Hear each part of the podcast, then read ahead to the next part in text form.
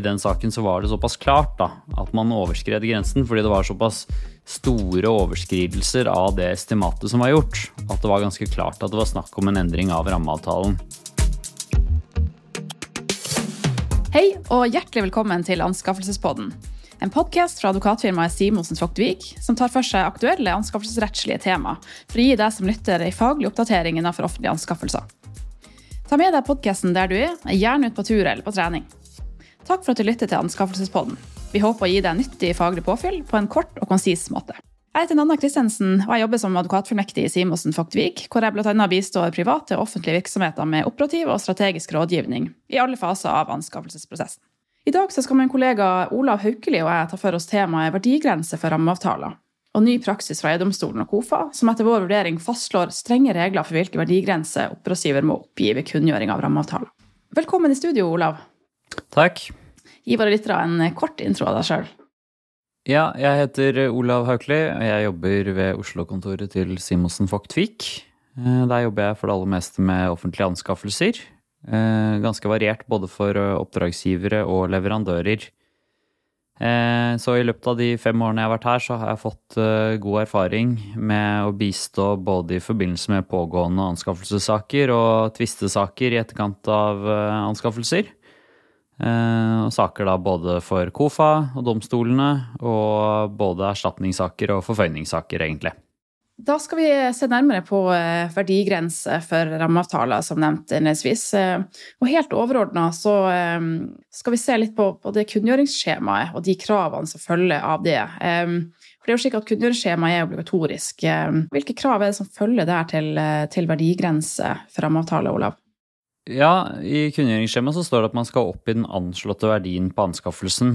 Eh, og siden kunngjøringsskjemaet er obligatorisk, så, så, er jo det også da en plikt man har. Og hvis man ikke gjør det, så kan det i teorien føre til at man får avvist eh, kunngjøringen når man sender den inn. I praksis så skjer kanskje ikke det så ofte, da. Men, men det, er liksom, det er der utgangspunktet er. Eh, mm. Og så er det sånn at det står jo bare der at man skal oppgi den anslåtte verdien. Så da blir jo spørsmålet da hva som skjer da hvis man ikke gjør det og anskaffelsen går sin gang, eller hvis man angir en verdi som eh, senere viser seg å være for lav, da. Mm. Så man har altså plikt til å angi en estimert verdi. Um, som du sier, uh, så er Ordlyden er, er, rett og slett et estimat. Men det vi skal snakke nærmere om, er jo at eh, praksis da og likevel fastslå relativt strenge grenser for, for eh, hvilke verdigrenser oppdragsgiver må, må, oppgi. Vi skal se på, på to eh, avgjørelser. C216-17 fra desember eh, 2018 eh, og C2320 fra juni i år eh, fra EU-domstolen. Altså. Det danske klagenemnet for utbud, altså tilsvarende KOFA i Norge, har stilt EU-domstolen flere spørsmål til den, den helt siste avgjørelsen fra, eh, fra EU-domstolen i C2320, hvordan verdsetting av rammeavtaler skal tolkes.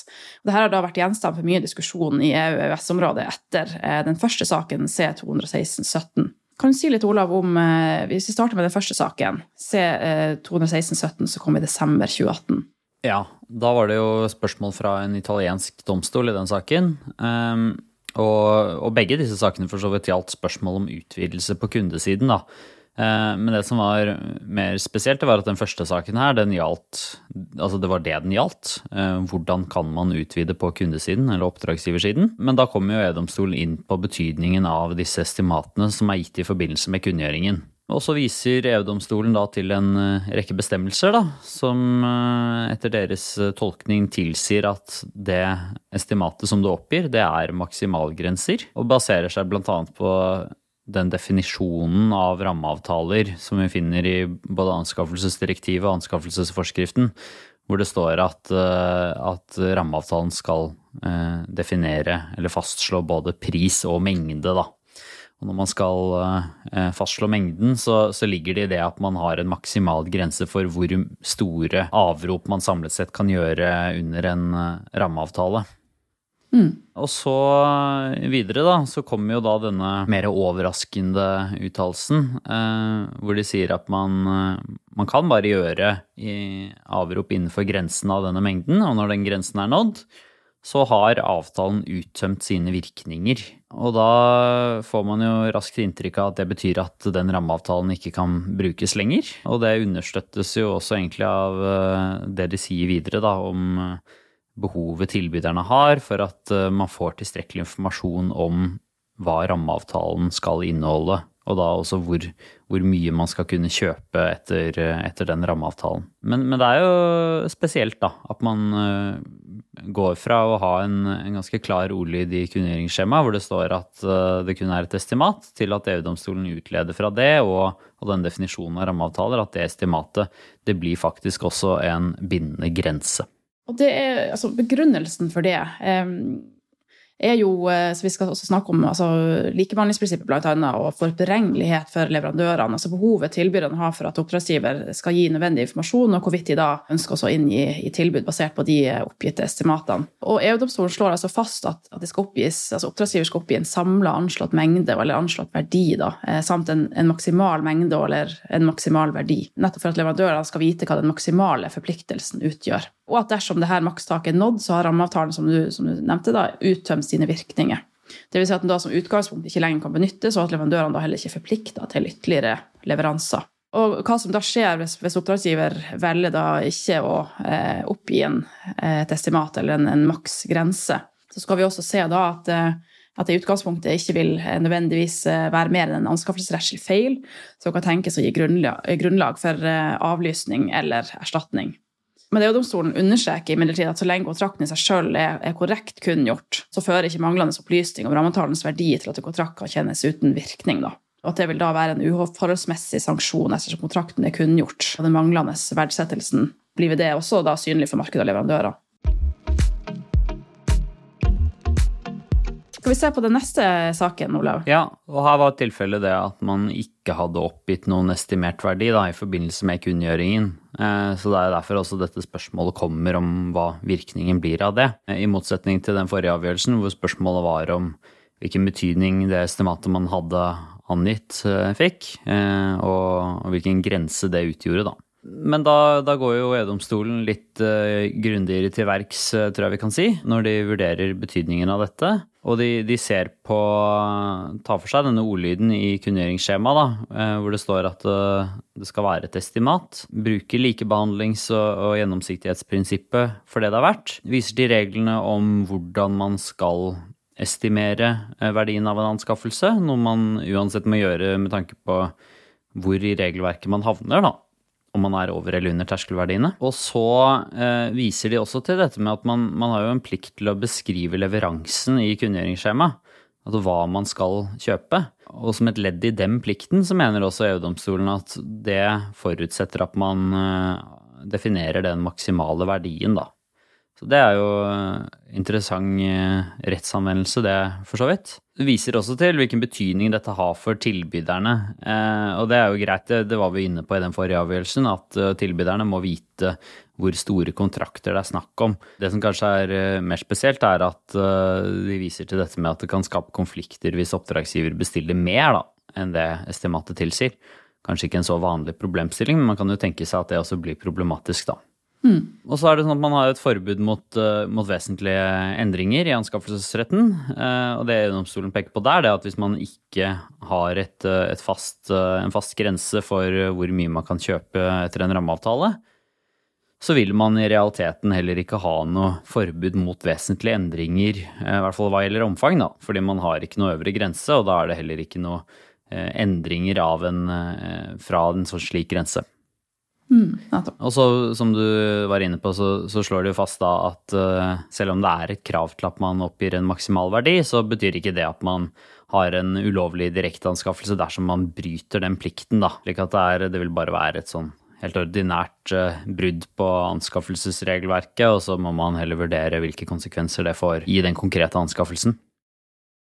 Nettopp. Da har vi altså sett på, på sak 216-17 og, eh, og, sak, eh, sak 23-20 fra EU-domstolen. Vi kan altså ta med oss eh, videre at EU-domstolen konkluderer med at, at oppdragsgiver da må oppgi maksimale verdigrenser for rammeavtaler, og at og brudd på det vil gi grunnlag for enten erstatning eller avlysning. Hofa har også tatt stilling til til disse verdigrensene. Eh, kan du si litt om, eh, om det KOFA da har, eh, har, kommet frem til, Olav? Ja, det er, det er flere avgjørelser fra KOFA. Mm. Jeg har ennå ikke sett noen som har kommet etter, etter denne siste 2320-avgjørelsen, da. Men, men, i de tidligere avgjørelsene, som var avsagt etter den første avgjørelsen vi så på, så blir jo dette gjort gjeldende da fra klager at man, man har en øvre grense. Og i KOFA 2019-61 så sier KOFA at der, der, trengte de ikke eller ønsket ikke å ta stilling til rekkevidden av den avgjørelsen fra, eh, fra 2018. Mens de eh, senere også i en annen avgjørelse, KOFA 2020 nummer 1, heller ikke tar stilling til om, om, det er en slik maksimal grense. Men eh, i den saken så var det såpass klart da, at man overskred grensen fordi det var såpass store overskridelser av det estimatet som var gjort, at det var ganske klart at det var snakk om en endring av rammeavtalen. Mm. Så vi har foreløpig ingen avgjørelse fra KOFA som sier at det er en maksimal grense, slik at alt over det vil være endringer. Men eh, i den, eh, den, siste KOFA-avgjørelsen her, 2020 nummer én, så, så, var det klart at, eh, at det var en overskridelse. sånn at jeg tror vurderingen blir den samme i de sakene hvor man overskrider grensen. Sånn som det var der, så var det et estimat på 500 000 til 10 millioner på verdien av rammeavtalen. Et ganske vidt estimat. Mm. Men uh, hvor oppdragsgiver endte med å kjøpe for totalt uh, eh, 39 millioner. Altså ja, nærmere firedobling da, av den øvre delen av estimatet. Mm, eh, og da sier de at ja, nei, vi trenger ikke å ta stilling til om det på, på dette tidspunktet var slik at uh, den estimerte øvre verdien var en maksimal grense, fordi det var såpass betydelige overskridelser at da er det en endring. Og det man må gjøre da, det er jo å gjøre den ordinære endringsvurderingen da, som man gjør ellers i anskaffelsesretten. Altså man må se på er det en lovlig endring etter uh, kapittel 28 i forskriften. Mm eller er det en vesentlig endring? Og i den saken så var det jo en, en vesentlig endring, da, fordi man, man, gikk såpass langt over. Eh, og det er kanskje ikke så rart når man altså bare ved å se på egentlig tallenes, tallene i seg selv. 39 eh, millioner kontra 10 millioner. Der var det en ganske klar overskridelse. Så, så det, vil, eh, det vi vil se etter hvert, er kanskje også Eh, ikke nødvendigvis ytterpunkter, men alt imellom. Da. Eh, altså, hvor mye er det som skal til? Eh, hvilke overskridelser er det som skal til? Vi må nok legge til grunn at KOFA vil legge seg på samme, samme linje som, som EU-domstolen nå i den siste saken i 2320. Ja, jeg vil tro det. Og da tenker jeg at hvis, hvis en tilsvarende sak skulle komme, så vil, så vil, KOFA si at den grensen som man har oppstilt, den er i utgangspunktet en bindende grense på 10 millioner da, i det tilfellet. Og så må man gjøre en vurdering av overskridelsen, se på om det er en lovlig endring eller ikke. Så hvis man havner på 12 millioner, så må man se på om den overskridelsen på 2 millioner var lovlig som en endring. Men, men det er altså det man må ta i utgangspunktet, da. Man kan ikke si at man uh, hadde lov til å kjøpe for inntil 12 millioner etter den rammeavtalen når det står en grense på 10 millioner. Hvis de legger EU-domstolens uh, konklusjoner til grunn, da, som vi vel må regne med at de gjør. Ja, for det, oppdragsgiver har i utgangspunktet lov til å foreta lovlige endringer, som du sier, etter kapittel 28 i anskaffelsesforskriften. Og Der er det jo bl.a. Eh, lov til å eh, foreta eh, tilleggsleveranser opp til en viss verdi av kontraktens totalverdi. Hvis vi skal ta noen avsluttende betraktninger basert på den praksisen vi har snakka om nå, både fra EU-domstolen og KOFA, hva vil du trekke fram der, Olav, som det viktigste? Ja, da er det jo klart at nå, nå, er det en plikt til å oppgi verdien på, av anskaffelsen, og særlig for rammeavtaler, da, så blir jo det viktig. Um, hvis man ikke gjør det, så er jo det et brudd som etter sin art kan tenkes å lede til avlysning eller erstatning. Mm. Uh, men det må jo vurderes helt konkret, da, fordi hvis man skal ha uh, et tilfelle hvor det leder til avlysning, uh, eller i hvert fall avlysningsplikt, så må det jo være fordi det er en feil som kan ha virket inn på deltakelsen eller utfallet av konkurransen, da. Eh, det kan jo kanskje tenkes, men normalt sett så vil det vel antagelig ikke være så aktuelt, da. Det kommer jo an på hvordan konkurransen er utformet for øvrig. Erstatning er nok vanskeligere å tenke seg. Um, eventuelt måtte det være erstatning for negativ kontraktsinteresse fordi man begynner å delta i en konkurranse som enten har altfor eh, alt for stor verdi i realiteten, eller altfor liten verdi i realiteten, sånn at man kan si at det, man ville ikke deltatt i den konkurransen hvis det hadde vært kjent på forhånd, da. Men det er altså ikke noen, eh, ikke noen andre sanksjoner som følge av eh, ulovlig direkteanskaffelse som kan bli aktuelt. Dersom man ikke oppgir verdien, sier EU-domstolen. Dersom man har oppgitt verdien, da, så er jo det en bindende grense. Og hvis KOFA legger det til grunn også, som vi vel må anta at de gjør, så, så vil det jo være eh, potensielt en ulovlig direkteanskaffelse der hvor man overskrider eh, den verdien, eh, dersom det ikke er en lovlig endring av kontrakten, da. Supert, Olav. Da sier vi eh, takk for nå. Eh, og sier tusen takk for ditt bidrag og for praten. Takk. Og tusen takk til, eh, til våre lyttere, som vi håper har fått nyttig faglig påfyll om verdigrensa for rammeavtaler. Og kanskje fått gått en tur eller trent samtidig. Husk å følge podkasten vår enten på Spotify eller på Apple Podcast for å få med deg de siste episodene av Anskaffelsespodden. Har du spørsmål eller temaforslag, send oss gjerne en e-post til podcast.svw.no. Så kjære lytter, jeg ønsker deg hjertelig velkommen til neste podkastepisode. Ha det bra. Ha det bra.